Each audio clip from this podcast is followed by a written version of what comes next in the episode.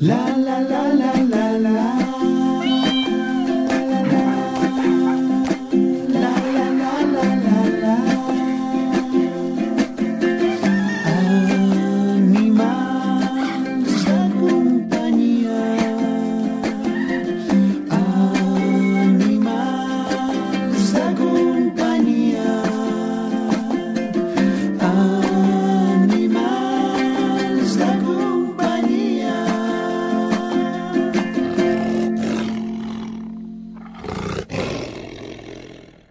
Sabies que Animal Respect on Tour és un moviment que va per tot l'estat espanyol buscant històries i projectes amb l'objectiu de promoure el respecte animal? En una furgoneta, la Paula i la Maria busquen tant a peu de carrer com en centres i entitats les històries més commovedores i emotives del món animal. Unes vivències que poden seguir-se a través del compte d'Instagram Animal Respect Tour Darrere d'aquest projecte hi ha Gosby, la marca d'alimentació natural per gossos i gats. De moment, Animal Respect on Tour ja ha fet parada a ciutats com Pontferrada, Oviedo, Màlaga, Lugo, Madrid i Sant Sebastià. La propera destinació serà, entre altres, València. Amb aquesta notícia imprescindible pels que us agraden els animals, comencem el podcast d'avui dedicat als gossos detectors. RAC més i Gosby us ofereixen Animals de companyia amb Bàrbara Julve, un podcast per una relació saludable amb els vostres animals. Com podem ensenyar un gos que detecti drogues o substàncies explosives? Una tasca imprescindible que fan els gossos detectors junt amb policies i gossos d'emergència. En parlem amb l'educadora canina Roser Feliu, responsable del projecte Lladruc de Paralada primera sinistradora de l'estat espanyol a obtenir el títol de directora de Seguretat i formadora de guies canins per la Direcció General de Policia. Roser, benvinguda. Com estàs? Hola, moltes gràcies per convidar-me. Molt bé. Roser, quan parlem de, de gossos que detecten drogues, substàncies explosives, gossos policia, fa, fa com respecte, no? Uns animals amb unes grans capacitats. Sí, la veritat és que és un treball doncs, molt tècnic, molt específic i hem de ser molt prudents i molt consistents en tota la feina que fem. Realment, sobretot amb els gossos detectors d'explosius, és molt important, sobretot que la marcació, que és com ens indica el gos, sigui molt precisa, perquè, com diuen eh, sobretot els equips de desactivació d'explosius, el primer error pot ser l'últim. Llavors, hem de ser ser molt metòdics, molt consistents en la nostra feina i realment sí que és un treball doncs, molt important i que hem de ser molt curosos a l'hora de realitzar-lo. I aquest uh, ensinistrament, uh, en què consisteix? Uh, quina és aquesta feina que feu amb, amb els animals? Sí, nosaltres treballem des de que som cadells o des de que els gossos ens arriben a nosaltres, és un treball global, els ensenyem educació bàsica, educació avançada i llavors també els associem les substàncies, és a dir, que el gos aprengui a reconèixer aquella olor, aquella substància, ja sigui una droga o un explosiu, com allò que ha d'aprendre a buscar. I a partir d'aquí el gos ens ho ha d'indicar. És molt important recalcar que els gossos no els droguem, perquè moltes vegades la gent té l'idea de que el gos detector de drogues busca perquè té com la necessitat física, orgànica, com, com podria ser un addicte, de trobar la seva dosis. Llavors, no és així, els gossos es treballen exclusivament en base del joc. Busquem gossos que tinguin molta motivació per la pilota, pel mossegador, per les joguines en general, i a partir d'aquí construïm tot el treball. El gos mai està sota els efectes de cap substància doncs, per realitzar aquesta tasca. I el gos uh, rep, rep un premi quan, quan troba això, uh, restes de drogues o substància explosiva? Què, què li doneu? Per incentivar. Sí, el gos sempre, el, sempre fem un sistema que en diguem amb reforç positiu, és a dir, quan el gos troba la substància, o bé si ha fet molt bona feina encara que no trobi res, sobretot, per exemple, en el cas dels gossos detectors d'explosius, sempre el premiem.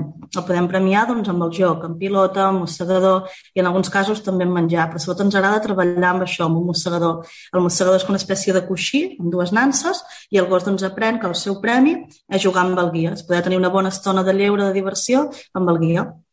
I, de fet, qualsevol gos eh, té aquestes habilitats, només les ha de desenvolupar o n'hi ha que, mira, malauradament no, no, no podran fer-ho mai, això? Sí, busquem un perfil molt específic, és a dir, busquem un tipus de gos que sobretot que li agradi molt, sigui fer servir l'olfacte i també que tingui molt bona motivació pel joc. A partir d'aquí també busquem certes característiques físiques. Per exemple, els gossos braquicèfals, el que vulgarment la gent coneix com gossos del morro chato, com pot ser un boxer, un bulldog anglès, un bulldog francès, aquest tipus de gos pel treball de detecció no els utilitzem, perquè realment a l'estiu s'ho passen molt malament, passen molta calor i la seva ventilació, al tenir la canya nasal tan curta, tampoc és l'òptima. Llavors busquem gossos amb un perfil molt determinat Ara bé, no ens centrem només en una raça. De fet, a Lladruc, una de les nostres gosses detectores d'explosius és la Cira i és una gossa recuperada d'una casa que no la volien, i l'altra, que és en Popeye, que és un labrador detector de drogues que treballa amb la Guàrdia Urbana, doncs en Popeye era un gos que estava a la gossera. Llavors també ens agrada donar una segona oportunitat a gossos doncs, que malauradament han estat abandonats o han estat, volien ser ubicats per part dels seus propietaris i llavors ens agrada que es oferir aquesta segona possibilitat, o sigui, d'un gos que potser estava ja sentenciat, per dir-ho així, donar-li una feina, donar-li una tasca a realitzar i que pugui ser un gos molt feliç, vivint com a gos de companyia, però també realitzant tasques pròpies del gos de treball, que això creiem al final és el, és el súmum del, del benestar animal, un gos que pugui gaudir de les seves tendències naturals, del seu joc, de la seva diversió i vivint en un entorn familiar. Sí, sí, i tant, una, una gran oportunitat. Eh, amb qui treballeu? És a dir, uh, conjuntament amb quins cossos de, de, de policia treballa Lladruc? Sí, nosaltres a Lladruc treballem els gossos de seguretat, treballem els gossos detectors d'explosius, treballem una empresa de seguretat privada i els gossos detectors de drogues treballen per la Guàrdia Urbana de Figueres, per la que seria la policia local de Figueres. Llavors ens truquen i treballem per operatius i nosaltres ni venem, ni lloguem els gossos ni els cedim. Sempre som nosaltres, com a guies i com a part de la unitat familiar, qui treballa amb els gossos. Nosaltres no ens agrada aquest sistema de deixar un gos o llogar-lo o tenir-lo per hores. Nosaltres sempre treballem amb els gossos i som nosaltres qui fem tot el procés, selecció, ensinistrament i també el treball operatiu. Si un cop el gos ja està correctament educat, els que realitzem la tasca pròpiament dita de detecció, tant de drogues com d'explosius però la gent, per exemple, ve a Lladruc per poder fer aquest ensinistrament i aquesta unió amb el seu gos? Uh, tenim aquest servei de gossos de detecció, que això ho fem només nosaltres, o llavors també oferim serveis per particulars, per famílies. Per exemple, si hi ha una família que el seu gos s'escapa doncs, quan el criden, o es tira molt de la corretxa, o té un cadell i vol saber com educar-lo doncs, perquè controlar millor la conducta higiènica. Llavors sí que poden venir al nostre centre, nosaltres ajudem a que aquest procés sigui més fàcil. Però seria potser l'enfocament, diguem-ho així, més de gossos de família. Els gossos de detecció d'explosius sí que hi ha algun cas que personal dels cossos de seguretat ens demanen ajuda per temes específics, llavors assessorem el guia i el seu gos, però el treball de detecció és com privat, per dir-ho així, només nostre. O sigui, nosaltres seleccionem els gossos, els eduquem i tal, però per nosaltres, per llavors poder treballar posteriorment amb aquests animals, sempre formant aquest binomi de nosaltres i els gossos. I en diferents ocasions, Roser, d'aquesta entrevista parles de joc, eh? Realment, per als animals és un joc de detectar drogues o substàncies explosives. Sí, nosaltres sempre quan fem exhibicions també oferim demostracions al públic en general, ens agrada molt parlar d'això, que hi ha la tendència molt marcada de que un gos de treball, específicament un gos de detecció, és un gos que viu doncs, sotmès, maltractat, eh, criat a base de pressió, de força, de violència. Això és totalment mentida. La nostra manera de treballar és tot a base de joc, a base de diversió. De fet, molta gent es pensa que els gossos, com he dit abans, doncs, tenen una mena d'addicció perquè només de veure l'expressió, aquesta tremolor que els agafa quan veuen un mossegador, és que és pura passió, és la pura il·lusió que tenen ells per treballar. Llavors, moltes vegades això, aquesta motivació tan extrema, eh, es confon moltes vegades amb això, no és que segur que el tenen drogat perquè va tan, tan, tan motivat que segurament doncs, està sota els efectes d'una substància. No és veritat. Això d'una banda seleccionem gossos que ja tinguin aquesta predisposició al joc i de l'altra també ho motivem. O sigui, realment quan juguem amb el nostre gos ho fem felicitar-lo al màxim, motivant-lo el més, el més exageradament possible perquè el gos realment es pugui sentir premiat per la feina que fa. Llavors hem de pensar sobretot que els gossos d'explosius, afortunadament, no sempre que fan una recerca acaben trobant la substància, afortunadament. Llavors, la major part de vegades que entrenen no troben res, que això podria ser una mica contradictori. Llavors, també ens agrada premiar el que en diguem per la feina ben feta, premiar encara que no hagi trobat res. Si el gos ha realitzat una bona tasca, ha fet una bona inspecció, ha sigut metòdic, ho ha fet correctament, igualment els premiem, i els premiem molt efusivament. Llavors, com preguntaves abans, sí, la base que fem és absolutament tota base de joc. I, I fins a quina edat poden treballar? Perquè, és clar, suposo que arriba un moment que aquesta feina s'acaba. Sí, per desgràcia la vida útil del gos és molt curta. Nosaltres jubilem els gossos quan veiem que no tenen les, les capacitats, doncs ja no comencen a ser les que eren, eh, cap als 8 anys, més o menys, algun 8 i mig. Per exemple, els pastors belgues malinois són gossos molt resistents, molt potents, i aquests podrien estar treballant fins als 11-12 anys. Nosaltres ens agrada parar-los abans. O sigui, nosaltres cap als 8 anys el gos entra en jubilació i llavors passa a ser només exclusivament gos de família. De tant en tant sí que fem algun entrenament, algun exercici doncs, perquè es senti motivat, perquè encara se senti útil i, i pugui sentir doncs, conscients que la seva feina encara és important. Però normalment la vida útil d'un gos és molt curteta. O sigui, comencem els gossos quan són cadells a partir de l'any, any i mig, l'ideal seria començar amb 15 mesos, i s'acaba quan tenen uns 8 anys. Llavors, si pensem que la vida d'un gos són 14, realment és mitja vida que el gos doncs, està descansant o que no, no és un treball operatiu. I aquest gos que ja ha acabat la feina, cap, cap on va? Se'n va amb una família? Eh, es queda amb vosaltres? No, nosaltres sempre ens quedem als gossos. Pensem que des que els hem tingut des de cadells o de joves han fet una gran tasca amb nosaltres, llavors no se'ns passa pel cap reubicar-los. Si realment el gos ha estat gos de família i a part ha anat treballant per hores, llavors encara que sigui vellet, encara que estigui malament, ens el quedem doncs, que per desgràcia es moren, no, no volem reubicar-los. Realment el gos és molt important la feina que ha fet, sobretot els gossos explosius ens juguem cada dia, vull dir, realment confiar en la nostra seguretat i la seguretat de moltes persones en aquest gos i, i no tindria sentit per nosaltres buscar-li una família buscar-li un altre lloc. Altres persones tenim la, tenim la sort de tenir una casa molt gran, de tenir espai, tenir l'atenció i bueno, els recursos necessaris per poder-li oferir doncs, una bona jubilació, visqui els anys que visquin. Doncs a Roser Feliu, educadora canina i responsable del projecte Lladruc de Parlada, moltíssimes gràcies per acompanyar-nos en el podcast i explicar-nos la gran tasca que fan els gossos detectors. Gràcies a vosaltres.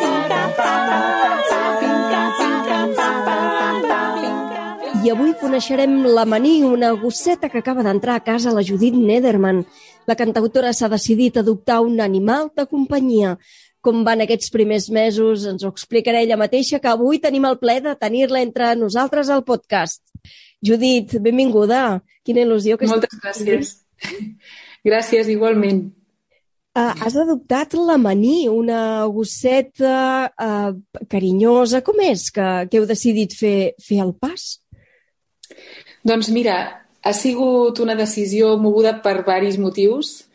El primer és que um, ara vivim al camp, podríem dir, vull dir, vivim a les afores de la civilització i llavors és un espai ideal perquè tenim com tros de terra al voltant i, i és com ideal per un gos. Jo sempre he tingut gossos amb la meva família, de petita, diguéssim, i, i això, vivíem amb, cases i s'havien d'anar a passejar i tot això perquè l'animal pogués córrer, però, però aquí realment hi ha, hi ha molta llibertat i es pot moure ella com vulgui i a part d'això també la passejo perquè descobreixi altres, altres fronts, però, però que és com un entorn ideal. I això, lligat a, a que a mi m'encanten els gossos de tota la vida i n'he tingut dos, així com amb tot el procés, no? No des de petitets, però però sí, pràcticament des del el primer que vam tenir crec que tenia 3 o 4 anys i fins que es va morir i la segona també tenia crec que dos anys i també fins que, fins que es va morir. I, i res, llavors em, em, em venia molt de gust perquè, perquè m'agraden i perquè l'entorn és així de privilegiat i ara estem en tota la fase de bebè, diguéssim, amb tot el que implica, però, però molt, molt feliços, molt feliços perquè dona molta alegria i és molt carinyosa, és molt juganera i, i molt contents. I, per exemple, què fa la Mani? Què li agrada? doncs, bueno, està en l'etapa aquesta de les dents i de mossegar-ho tot. Llavors jo ja m'he anat cuidant de, de comprar-li diferents joguines especialitzades d'aquestes per les genives, per les dents, um, alguns peluixos també perquè li encanten, no? perquè els pot, els pot com agafar i els pot destrossar. Però tot i així, doncs clar, quan està per fora, doncs agafa pals, agafa mm, trossos de, no, no sé, pinyes o, o el que troba. I, a veure, cada dia, tard o d'hora, apareix alguna sorpresa esmicolada. Però, de moment, no hi ha hagut cap catàstrofe a dintre casa perquè em van dir, ja veuràs, us ho destrossarà tot. Ates, I... aquestes coses que els agrada tant mossegar, eh? No és el cas. No, les sabates ho, ho va estar intentant molt al, al principi, però vam fer bastanta feina de, de sí. renyar-la cada vegada que, que agafava una sabata i donar-li les seves joguines i ho ha anat entenent. I a part també um, hem com separat l'espai, vull dir, ara tenim totes les sabates amb un sabater a l'entrada i ella no hi té accés fàcil. Vull dir, per aconseguir una sabata s'ho ha, de, ha de treballar molt i ja estem en lloro i de moment estem aconseguint que no, que no n'agafi. Molt bé, tot, tot un èxit. I per què un cadell, Judit? Doncs mira, perquè um, som tres aquí on vivim i un dels meus companys té, té dos gats adults que tenen sis anys i vam estar parlant que igual era la millor opció per, perquè es poguessin conèixer des, de, des del principi, no? Perquè tot i així, tot i ser cadell, els gats de moment encara estan una mica eh, recelosos, no? Vull dir, no, no... ella vol jugar amb ells i ells és com que els hi fa molta, mm. molta mandra la, la, el ser en si, no? Però, però a poc a poc es van, es van acostant. Però sí que ens van dir que si, si el gos era cadell mm, facilitava una mica la, la relació, no? perquè no, no se sentirien tan amenaçats.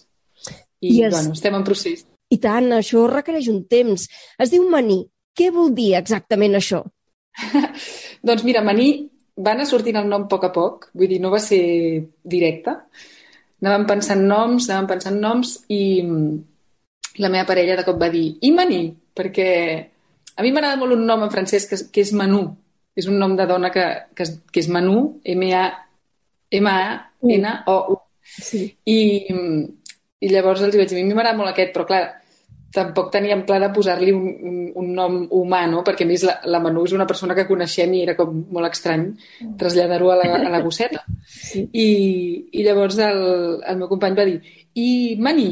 I llavors ah, jo em vaig il·luminar molt perquè em, em va encantar, perquè Mani és com, com diuen a, a Llatinoamèrica el cacauet, i jo recordo molt a Cuba, quan vaig estar a l'Havana, les dones que van amb, els, amb, amb les paperines de, de maní dient, canten una cançó molt xula. Endavant. Que, que és Maní, si puedes tú con Dios hablar, cómprate un cucuruchito de maní. I m'encanta aquest tema. A part, crec que el té gravat l'Antonio Machín, que li agrada molt a la meva àvia, i jo m'escoltava els casets quan la meva àvia em deixava el Toyota per anar als concerts quan jo no tenia cotxe. I, em va fer molta il·lusió. Vaig pensar, maní és perfecte. Que és veritat que tothom es pensa que és un, un mascle, perquè maní crec que la gent ho relaciona amb, amb cacauet. O molta gent li diu mani. Eh, sí. Llavors, jo estic tot el dia dient, és la mani i és maní, no mani. Exacte. Però bueno, cap problema. I la mani, quan et veu cantar, què fa? Queda així com bocabadada? La veritat és que... Passa de tu. No, li, li fascina més la guitarra que el cant. Ah. Perquè quan, quan toquem la guitarra fa, fa allò amb el cap que, que el gira i es queda així com una mica... Sí, esturada, no? Què, està fent? Però fa molta gràcia perquè, perquè la música no la, no la sobresalta. És més, a vegades que, que fem aquí trobades amb altres amics músics i que estem al menjador tocant sí. instruments i fort i tothom cantant, ella pot estar perfectament dormint al seu llitet mentre hi ha un, un follon al·lucinant. O sigui que està, està molt acostumada. Però jo això ja, ja ho havia viscut amb els, amb els gossos de la meva família. Sempre era així. Quan, quan hi havia un, un fastot, diguéssim, i molt volum de música, no, no sé, no, no, els hi, no els hi afectava per res. Vull dir, ells feien la seva vida igual. Ho té integrat, eh? Ho té assumit. Sí, sí, totalment. I llavors quin és el vincle que, que hi tens tu amb la gosseta? Te l'emportes a tot arreu? Fins i tot va al llit amb tu? O, uh, no sé, no, això no. relació teniu? Això ho vaig tenir claríssim des del primer moment, de que dormiria al seu llit i que no... que és, és molt temptador, perquè clar, quan, quan són tan petits i són tan ah. monos, no? Te'ls vols emportar on sigui i a més, clar, si, si t'adorms, no? Al seu costat és com un moment supermàgic, no? Però, però no, no, no. La vam educar des del principi que dormís, dorm sola al, al menjador, té el seu llit amb la seva manteta i les dues o tres primeres nits sí que va plorar molt, però després ja està, perquè ja ho sap, que no volem que pugi al sofà, però quan no la veiem puja al sofà. Sí. Llavors ha descobert que, que, bueno, que quan ens anem a dormir es queda sola, um, no és tan mal plan per ella, no? perquè llavors puja al sofà i està, està contentíssima. I mm, la relació que tinc amb ella, doncs mira, no me l'enduc a, a tot arreu perquè ja et dic, aquí vivint, doncs clar, som nosaltres tres, llavors sempre hi ha algú a casa i sempre pot estar acompanyada. Llavors, si algun dia sí que s'hauria de quedar sola, doncs llavors sí que ens, ens l'emportem, però, però clar, quan ens l'emportem moltes hores és perquè anem a un altre lloc on, on és mm, amable pels gossos i segurament hi ha altres gossos i, i això. L'únic, els únics dies que potser s'ha quedat sola més estona és quan hem tingut algun, algun concert i ha, i ha coincidit que no hi érem, però tampoc són tantes hores. I també una cosa molt, molt maca és que tothom se l'estima molt, tothom del meu entorn, i té molts cangurs possibles. Encara no li hem, mm -hmm. encara no li hem hagut de, de fer passar aquest, aquest tràngol de canviar d'espai i haver d'estar moltes hores a un altre lloc sense nosaltres, però, però li han sortit molts cangurs perquè és molt maca. Llavors, si algun dia ho requerim, doncs ja, ja ho farem així. I quan va arribar a casa teva? Des de quan la teniu? A finals de desembre. Sí, ara fa un mes i mig, més o menys, o sí, quasi dos mesos. I com creixen, eh, de ràpid els animals? Ràpid. Clar, no te n'adones gaire, no?, al veure'ls cada dia, però, però oh, quan mires les fotos, Uf. dius, mare meva, si al principi pràcticament era una mica més de, de les mans, no? I ara ja si l'agafes ja pesa, ja pesa més i, i està molt gran i també li vas veient com, com és el seu caràcter, no? El va, el va desenvolupant i això també és molt maco. I com es va um, mimetitzant amb l'entorn, no? Vull dir que, que aquí és una casa de calma i, i ella també crec que s'està tornant una gossa tranquil·la que penso que en un altre entorn potser, potser no seria així, no? Potser seria diferent. És que crec que s'assemblen molt a, a qui els cuida. Hi ha alguna cosa que t'enamori d'ella? sí, crec que la mirada que té, que és com totalment pura, saps? No li veus cap tipus de maldat. És, és amor, és amor tota l'estona. Inclús quan està així, que està una mica més que vol jugar i es posa una miqueta agressiva perquè vol jugar, que vol mossegar i vol estirar coses i fa aquell sorollet. Eh, inclús en aquest moment no, no em sembla gens, gens violenta, no? I això m'agrada molt. Realment és un, és un ser molt amorós. I sí, és entre picardia i bondat, eh? és una barreja de, de coses. Uh, Judit Nederman, moltíssimes gràcies per acompanyar-nos al podcast Animals de Companyia i explicar-nos uh, aquests primers capítols d'aquesta aventura, no? aquesta nova aventura de tenir la maní a casa per molts anys. Gràcies. És hora del concurs fotogràfic Gosby RAC1. Com sempre tenim amb nosaltres l'expert en fotografies i xarxes socials, Jordi Gamell. Jordi, què tal? Com estàs? Benvingut de nou en el podcast. Benvinguts a tots i a totes. Aquí estem mirant fotografies i a veure quina, quina triem de guanyadora. Doncs quina has escollit i per què? Com sempre volem saber aquesta, aquesta resposta.